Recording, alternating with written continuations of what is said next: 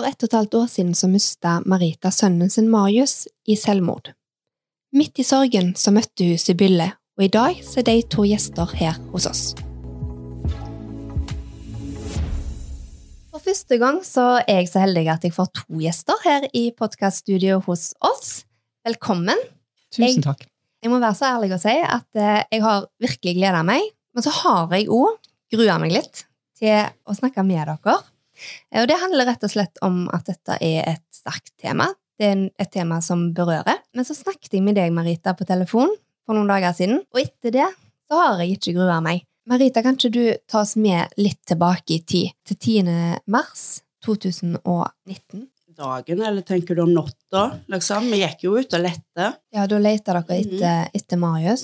Jeg også noen venner, kompiser og venninner, kjørte rundt. Da var de med deg, og, og Men så fikk jeg jo beskjed, for mens vi gikk og lette, så ringte jeg, og så meldte han savna. Så da, eh, etter en stund, så fikk jeg beskjed at jeg måtte komme hjem, for politiet var der, og de ville høre, liksom. Så jeg kjørte hjem, og ungdommene var litt ute og kjørte litt sjøl, men så kom de jo tilbake igjen. Så da var det liksom Alle var hjemme som meg, på en måte. Noen kjørte ut igjen og kikket og så. Eh, Vi fikk beskjed om at måtte, de måtte gå hjem og så lete litt. Kanskje at han hadde gått hjem til noen, at han lå der og sov, eller så det var liksom litt sånt. Og så fikk, om morgenen, da når det begynte å lysne, så var det det at de skulle igangsette en liten leteaksjon. Men så utvidet de den etter hvert. Men øh, de var kjapt tilbake, da. For da hadde de funnet da fant de Marius. Så da, da er dere mange som har, har leita, som har vært, vært, med. Mm med. Husker du noe fra den dagen, eller fra det tidspunktet, når du, når du får beskjed? Jeg husker at uh, datteren min skulle jo være med på den Neat Move Sleep-kuppen der oppe. Eh, jeg skulle stå i kafeen. Det som jeg husker, det var voldsomt liksom at jeg, jeg måtte ringe og gi beskjed at eh, du, jeg kan ikke stå i kafeen, for uh, sønnen min er savna, liksom. Det var viktig. Da, Ja. Liksom hvordan hjernen din egentlig uh, kobla ut uh, ting. Det praktiske. Ja. Altså ordne opp i Aha, det. At jeg skal ikke ha det på meg, liksom, at jeg ikke stilte opp. Men så kom det uh, mer og mer folk, eller ung, ungdommer, innom, og mine venninner. For de hadde jo hørt det, for det spredde seg jo fort, for det gikk, forsto jeg, både på Snap og alle veier, på meldinger. Så plutselig så var det liksom hele huset med de nærmeste Marius sine da. Hvordan opplevde du det? Det var helt naturlig, egentlig, for jeg visste hvor mye de eh, alle har betydd for han. Så jeg vet ikke, det falt seg bare naturlig at de var med. Og det var jo aldri nei. Når jeg de om noe, eller, så de var jo med, med meg, og så planla eh, begravelsen. De fikk sine innspill på hvordan og hva, og da var de beste som bærte han ut. Så du forteller om en engasjert ungdomsgjeng som, som var der rundt deg fra starten, altså fra Marius Mm. var savna. Mm. Og i etterkant så har jeg jo blitt kjent med kjempemange. Så hun har vært nærme han, men som jeg ikke helt har hørt kanskje alt om og, og visst. Og det viser seg jo ennå at det er jo stadig folk jeg får høre om som jeg ikke egentlig vet noen ting om. For Marius var 17 år, eh, og da, da har han vel ikke alltid kjennskap til alle som en omgås eh, Nei. med. Nei. Så du blir liksom kjent med en del nye i etterkant. Mm mhm. Hva skal jeg si? At det at de kommer hjem til meg, de sender meldinger, de sender snap, at, det liksom, at de deler den eh, Eller at de gir meg den tilliten. Hva skal jeg si? Det er, betyr voldsomt mye. Det gjør de fortsatt. Mhm. Ja. Og de er fortsatt hjemme på besøk hos deg. Mhm. Og sikkert utrolig godt for deg òg, å få lov til å være hjemme Ja, jeg, hos Marius. Jeg, jeg håper jo det, at de syns det, og jeg får nå liksom tilbakemeldinger at de syns det er godt å komme. Og jeg syns det er godt når de kommer. Jeg forventer jo ikke at de skal renne inn dørene til gamle kona som det heter, for å si det så. Men uh, de kommer. De sender meldinger, og de viser meg deler av livet sitt på en måte som jeg får ta del i, og det, det er stort. Jeg vet at du har tidligere sagt noe om at eh, det å ha ungdommer fortsatt i huset, det gjør at du føler at Marius er der enda sterkere. Kjenner du mye på det? At det, sånn, det å få være en del av de ungdommene sitt liv, at du er med i Altså at du har Marius med deg på en enda mer sterkere måte, eller? Ja, for på en hva skal jeg si, en helt litt feil måte, så er det jo jeg som deltar i, i deres eh, liv nå, på en måte. Men eh, jeg føler jo det at Marius er blant oss, at jeg har han litt, at jeg, siden jeg får ta del i deres liv, uh, sånn, så føler jeg jo at han er der. Du må fortelle om 18-årsdagen til, til Marius. Du sier noe om at du eller Du har fortalt meg at du, du var litt i tvil. 18-årsdagen eh, Den kom jo. kom jo. Mhm. Eh, om du skulle markere den, hvordan du skulle, hva du skulle gjøre. Og så bestemmer du deg for at Jeg bestemmer meg for at jeg skal ha den. Eh, For jeg og Marius hadde jo diskutert litt at eh, han skulle få ha fest da, når han ble 18. Så gikk jeg noen runder, og så var det ei venninne av meg som sier til meg at nei, dette her må du jo gjøre. Altså, alle stiller opp, vi hjelper til, liksom. Ok, og jeg setter i gang, og det var jo altså, det var så mange navn. Jeg fikk ikke til å legge til alle en gang i den innbydelsen. Måtte få kompiser av Marius til å komme, for jeg kjente de jo ikke, jeg visste jo ikke hvem de var. så, så temaet dette her da var eh, mafia, Gatsby, glitter og gull. Så jeg pynta eh, Jeg var så heldig at jeg fikk låne idrettshuset til Vea gratis, siden Marius har vært aktiv fotballspiller eh, der i noen år. Så da pynta jeg det med ei gruppe venninner og kompiser av Marius. Så vi sto der den dagen han egentlig fylte 18 og pynta. Så kom nå denne dagen, og de kom inn i dress og kjoler og fjør og Det var liksom så fint å se at de hadde stelt, de hadde pynta seg for Marius. høres jo ut som en fantastisk feiring, tross alt. Mhm. Altså at den Ja. Eh, Det ble Jeg syns det var fint. Jeg var jo litt nervøs, for jeg kjente jo ikke halvparten av de som kom inn dørene. Og jeg hadde bestemt meg skulle holde en tale. Eh, Da hørte jeg hælene klapre i gulvet mens jeg sto der. Ja.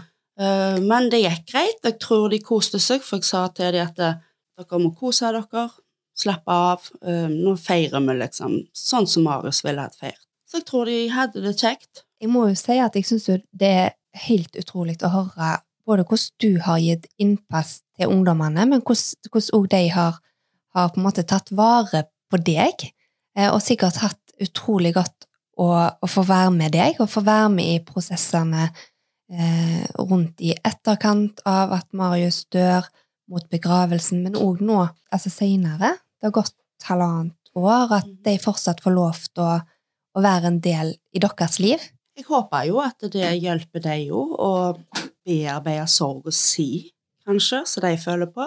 For vi kan sitte hjemme, og vi kan også ha de alvorlige samtalene, men man kan også sitte og tulle og le, og, og vi har hatt grillfester, vi har hatt kjeks og vin, og vi har, vi har mye koselig i lag der, så jeg setter jo kjempepris på at de kommer innom. Og så er det så utrolig raust, syns jeg, å, å høre om den åpenheten rundt, rundt sorgen, og, og det å på en måte delta i hverandres sorg.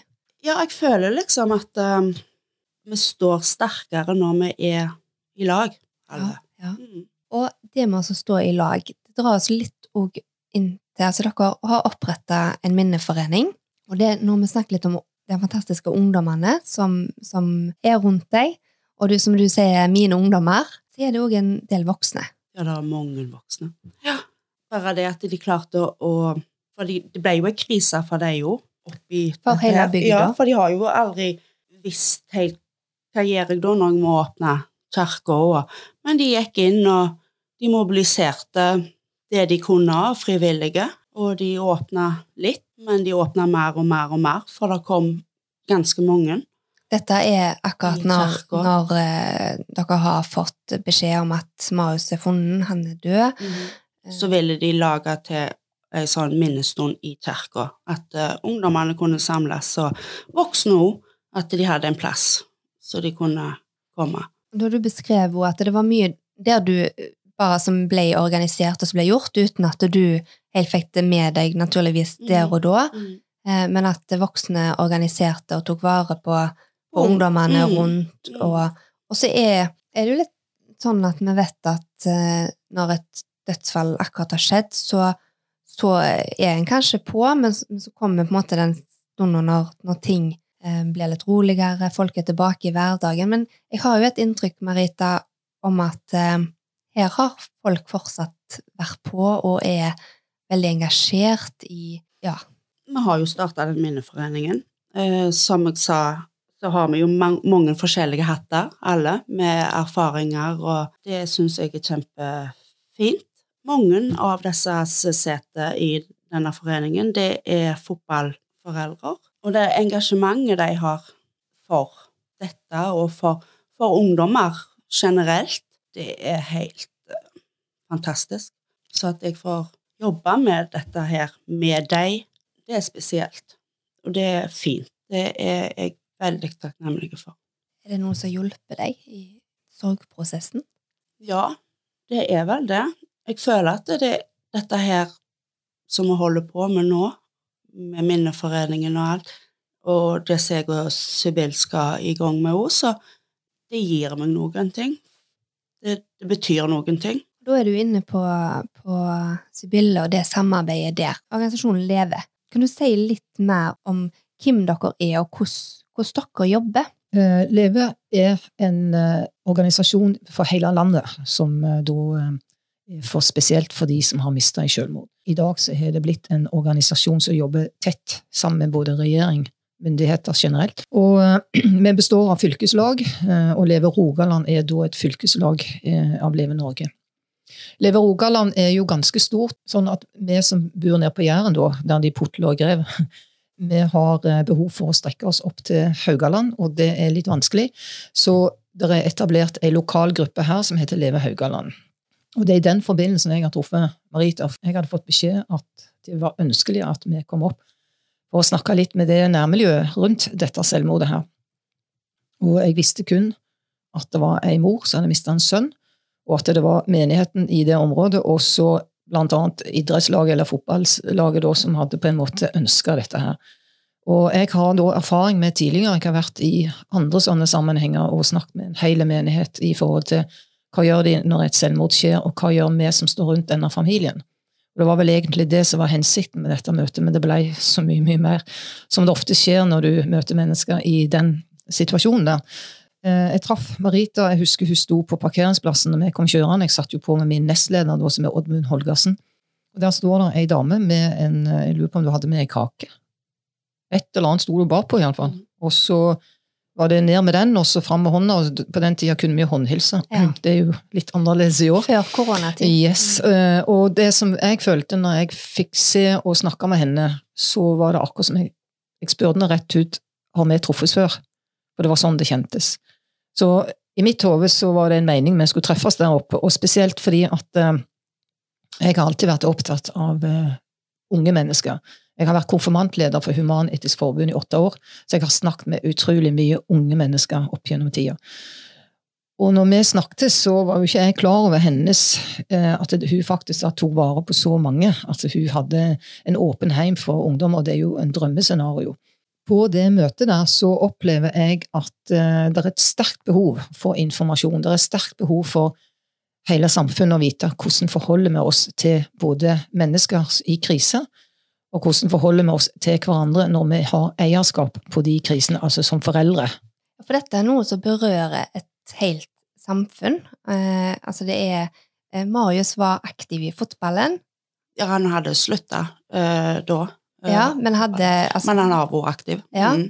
Eh, og mange kjente han gjennom der. Altså, og det er jo klart at eh, dere lever jo i ei litt mindre bygd, der det kanskje blir litt sånn at alle vet om alle, eller kjenner litt til på en eller annen måte. Eh, så det er mange som, som er berørt. Ja, i den salen Vi hadde jo håpet vi skulle få hele bygda inn der. Der er jo plass. Men eh, jeg tenker nok at dette her med redselen, eh, tabu og området vi er i, er jo ganske berørt av selvmord hele veien. Det er jo ikke bare akkurat da. Men det som var min store opplevelse, det var jo det at vi kunne jo egentlig stått der i fem timer og snakket vi måtte jo avbryte til slutt. Vi hadde vel holdt på i over en time. Men jeg fikk snakket med veldig mange folk i ettertid. fordi at når jeg snakker om selvmordsforebygging, så er jeg veldig direkte. Jeg snakker direkte til folk, og det engasjerer. Og det er jo noe av det som vi må våge å gjøre, vi som er etterlatte da.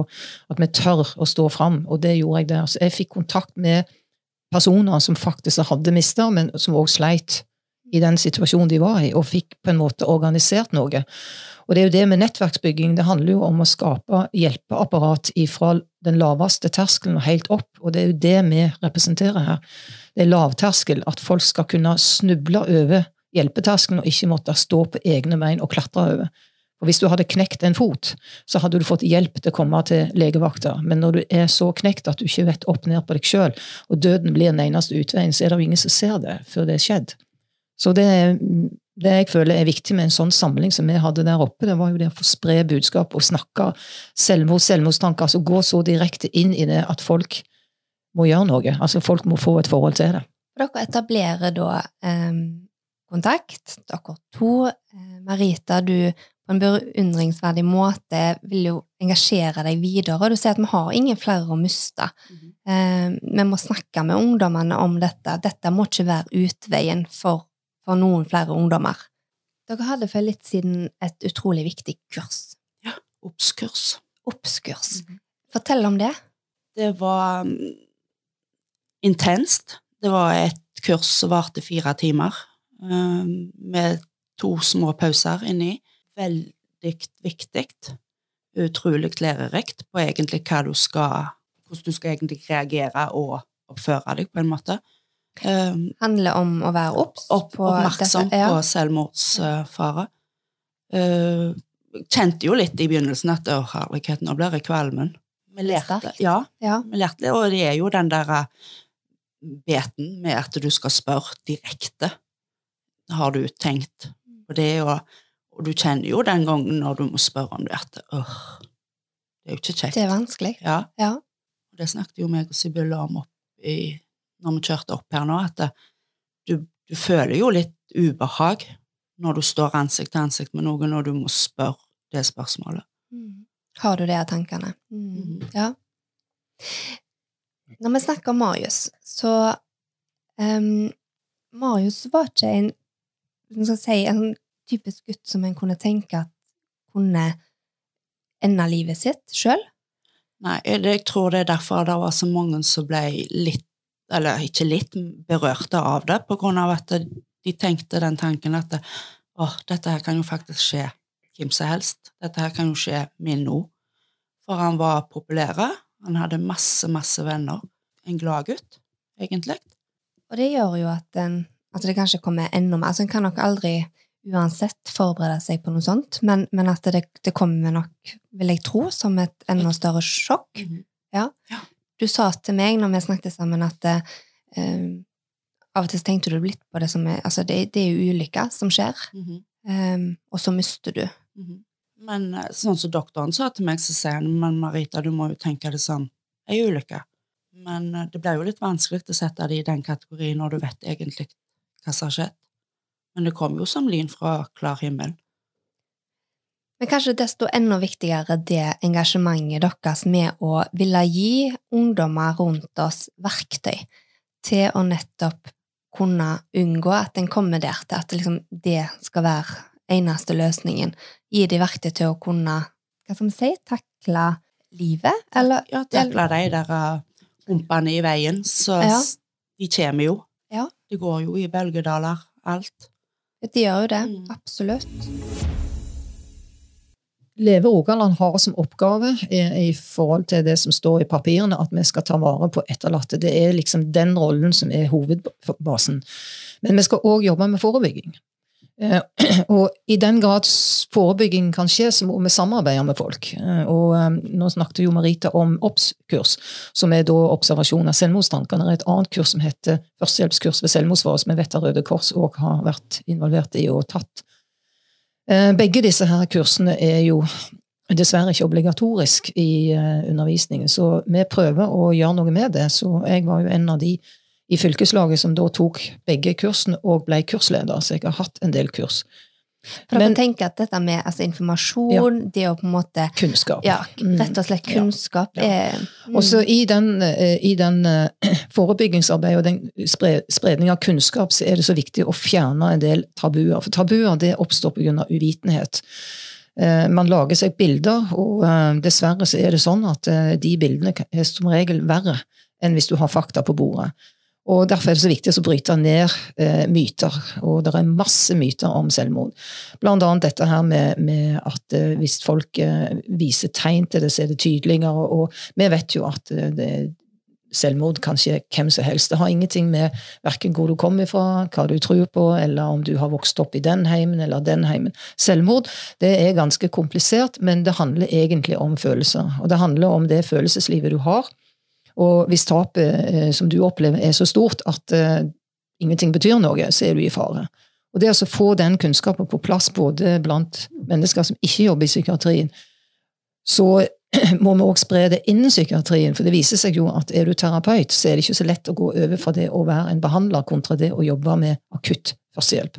Det vet sikkert Røde Kors-folk alt om når de må inn og sette i gang hjerte- og lungeredning. Da hjelper det veldig lite å være kirurg, hjertekirurg. Ikke sant? Så Førstehjelp er viktig, og det er vi med å spre. Ikke at vi kjører så mye kurs, men jeg er jo en av de som har holdt på med det. Men det å kunne ta det kurset, sånn at vi som jobber innenfor Leve Rogaland annet, vi prøver å sende våre styremedlemmer og andre medlemmer på sånne kurs. Men sånn som Marita nå, mm. som, som, deler sin historie, som deler sine erfaringer, eh, og får et helt samfunn til å bli engasjert, får et helt samfunn til å ta kurs.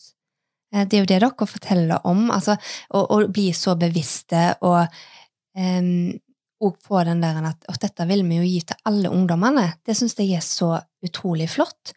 Eh, for nettopp sånn som du er inne på, òg at det, det, er ikke bare de type, eller den typen, som, som tar livet sitt. Det gjelder alle. Det er helt sant. Og det som vi er litt obs på, det er jo det at eh, nå har vi jo sosiale medier, ting foregår der. Eh, så i utgangspunktet, så hvis du skal drive en krig, eksempel, eh, og du skal kjempe mot mange fiender, så er du nødt for å ruste deg sjøl. Det hjelper veldig lite om du har all verdens våpen, hvis du ikke er i stand til å stå på egne bein og forsvare deg. Så, så jeg tenker at hele samfunnet må på beina, men vi har liksom konsentrert oss om disse ungdommene som skal leve i en verden hvor de strekker seg milevis i alle retninger for å bli akseptert og bli anerkjent. Så når hun og jeg begynte å snakke om det med ungdommen, så skjer det noe parallelt her. Og det som skjer, det er at jeg begynner Jeg har holdt på med samtaler med folk i jeg vet ikke hvor mange år, og gjennom de samtalene og min egen historie og det jeg sjøl står midt oppi, så har jeg lært en ting at den eneste måten å komme videre på, det er at jeg lager mine egne spor. Og så sier jeg til eh, Marita at jeg hadde vært oppe på SUS, for jeg ble invitert av den psykososiale faggruppa til BUP å holde foredrag om nye spor. Hva er dette her?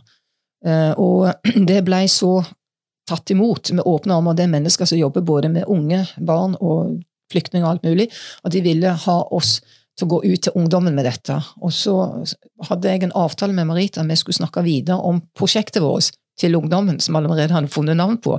Så fortalte jeg henne dette, og så sier jeg ja, men da må vi bare sette i gang. Så vi sitter egentlig med et nyfødt barn her som heter Nye spor til ungdommen, som vi egentlig ikke har lagd struktur på. Men vi vet eksakt hva vi har lyst til. Og det som er poenget med dette, her, det er å lære ungdommen å forstå at de er sin egen mester. Eh, og de begrensningene som ungdommene har, det er jo der mesteren kommer til syne. Så de skal være glad i seg sjøl. De skal gi blaffen i om de har arr, eller om de har drevet med sjølskading og hatt selvmordstanker, om de er sånn breie, eller om de er så korte, eller om de ser sånn ut, om de er adopterte eller ikke adopterte. Det spiller absolutt ingen rolle. For det eneste de skal bruke dette her til, det er verktøykassen sin. Oi, jeg har jo en sånn skrutrekker, den kan jeg bruke der, for jeg vet hvordan jeg skal bruke den, osv., osv.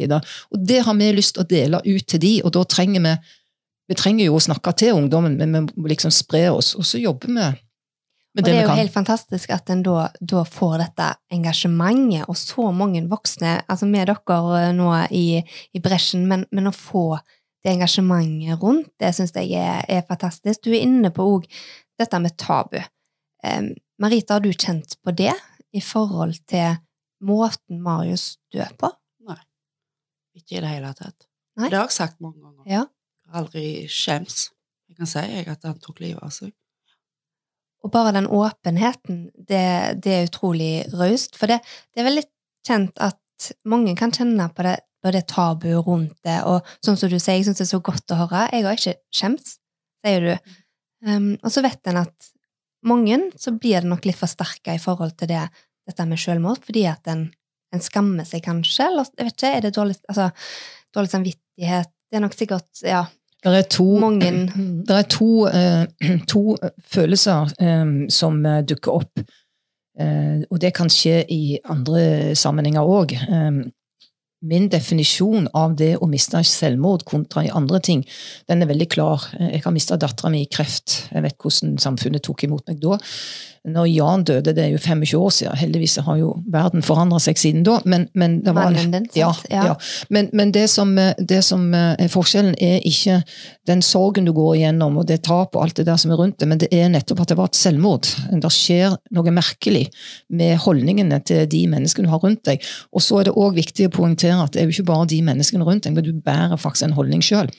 På førstehjelpskurs ved selvmordsfare er det, det første dagen så snakker vi nettopp om holdningene våre. og være bevisste på de, og, og, at de er med på å styre oss i forhold til selvmordstanker. Til og med den med selvmordstanker kan ha en holdning som er null aksept for selvmord. Og da kan du jo bare forestille deg hvor vanskelig det er for den personen å snakke åpent om sine selvmordstanker. Så forskjellen på å miste i selvmord kontra det å miste i kreft, det er hvordan omgivelsene dine tar imot deg som etterlatt. Og Det er viktig å bryte de barrierene. Og, eh, Ja, for du sier altså Det er jo likt, altså sorgen eh, vil jeg Sjokket. tro Altså sjokket um, Ja, mye er likt i forhold til grunnen. Ja, det som er Eh. forskjellen, det er hvordan vi reagerer. Og, Mhm. og litt sånn som i forhold til at noen ønsker at du skal vise omsorg. Altså når du treffer folk i nettverket ditt som har mista, så står liksom hele samfunnet litt lamma, fordi de vet ikke hvordan skal jeg snakke med den personen. Noen ønsker jo ikke at de skal snakkes til i det hele tatt. Andre står og skriker inni seg når de ser at naboen går omveier. Dette har jeg hørt i ti Ja, år. for, for nå er du inne på noe som, som ehm, en har snakket om, som, som, og vi er jo ulike med mennesker.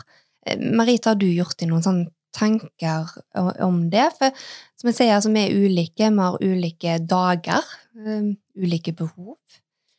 Hvordan eh, Jeg har ikke kjent på den der at folk har gått omvei. Uh, Det er sikkert noen som gjør det, men jeg har sikkert ikke fått det med meg, for å si det sånn. Den måten jeg har blitt tatt imot på, eller sånn så folk har reagert, det, det er jo helst den omsorgen. Jeg har, har melding, ja, jeg har fått meldinger fra folk jeg ikke kjenner.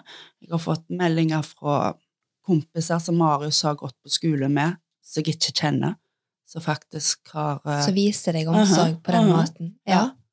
Så jeg kjenner ikke på den, og da blir jeg litt sånn hva skal jeg si, litt lei meg når jeg hører at folk har ja, og så tenker jeg som igjen at vi, vi er jo forskjellige, og, og jeg vet jo altså det med at eh, noen har kanskje nok med å på en måte det å bygge seg opp og få, altså komme seg på butikken eh, og, og klare å ta den handelen, eh, og redde for at en Du var litt inne på det når vi snakket tidligere, Marita, i forhold til dette med at eh, kanskje ikke ville at noen skulle synes synd på meg.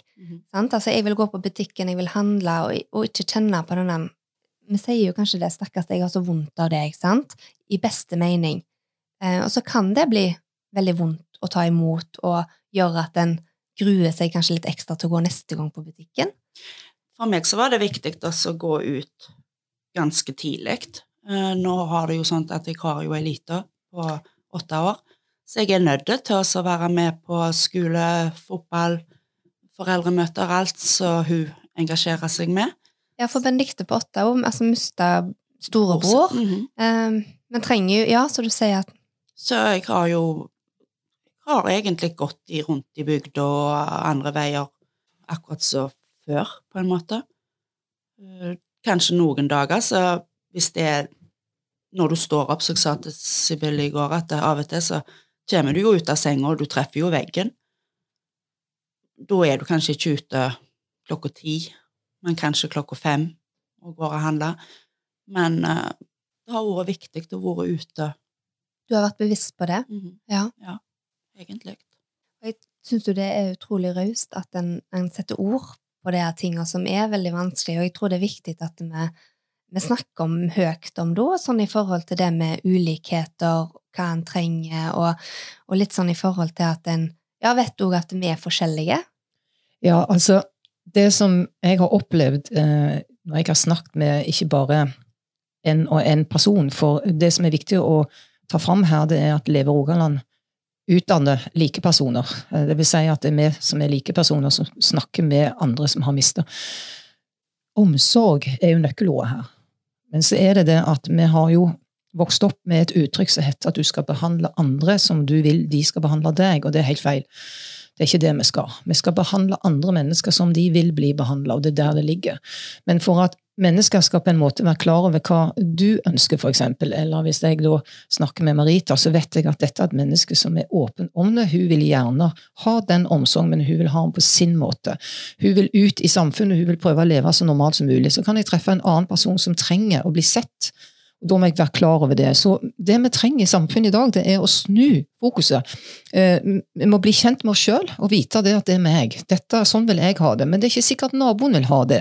Så, og, og, da kreves det en toveiskommunikasjon. For vi er så flinke til å sitte og tenke hva vi ønsker, så tror vi at hele verden er tankelesere. Men det er vi ikke. Ingen er tankelesere, selv om de påstår det. Nei, og det tenker jeg jo er et veldig, veldig viktig poeng i mm. forhold til det med å og da kunne si. Eh, og så krever jo det utrolig mye, eh, og kanskje spesielt når en er i eh, vanskelige situasjoner, sårbare tid i livet, og så skal en liksom si at 'dette trenger jeg'. Det tenker jeg er, det er sterkt. Ja, men det er en vei å gå. Ja. Og det er at nå nå har jeg begynt å få telefoner fra nettverket rundt en familie, og det de spør om, hva skal jeg gjøre?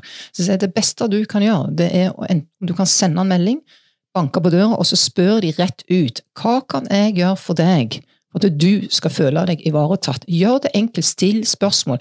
Nå har vi verdensdag for psykisk helse, så står det 'spør mer'. Ja, spør mer. Hva er det folk trenger? Hva trenger du? Yes, Og så ja. må de som da får det spørsmålet, våge å si 'jeg trenger at du drar deg til helsiken hjem, og ikke ring ja. meg på et år'. Ja. Ok, så skal jeg respektere det. Da har jeg gjort mitt. Jeg tror det, er et uh, utrolig viktig uh, poeng. Marita, jeg må jo bare få si, jeg syns det er utrolig raust, uh, måten du deler på, måten du engasjerer på, og måten du lærer oss andre på.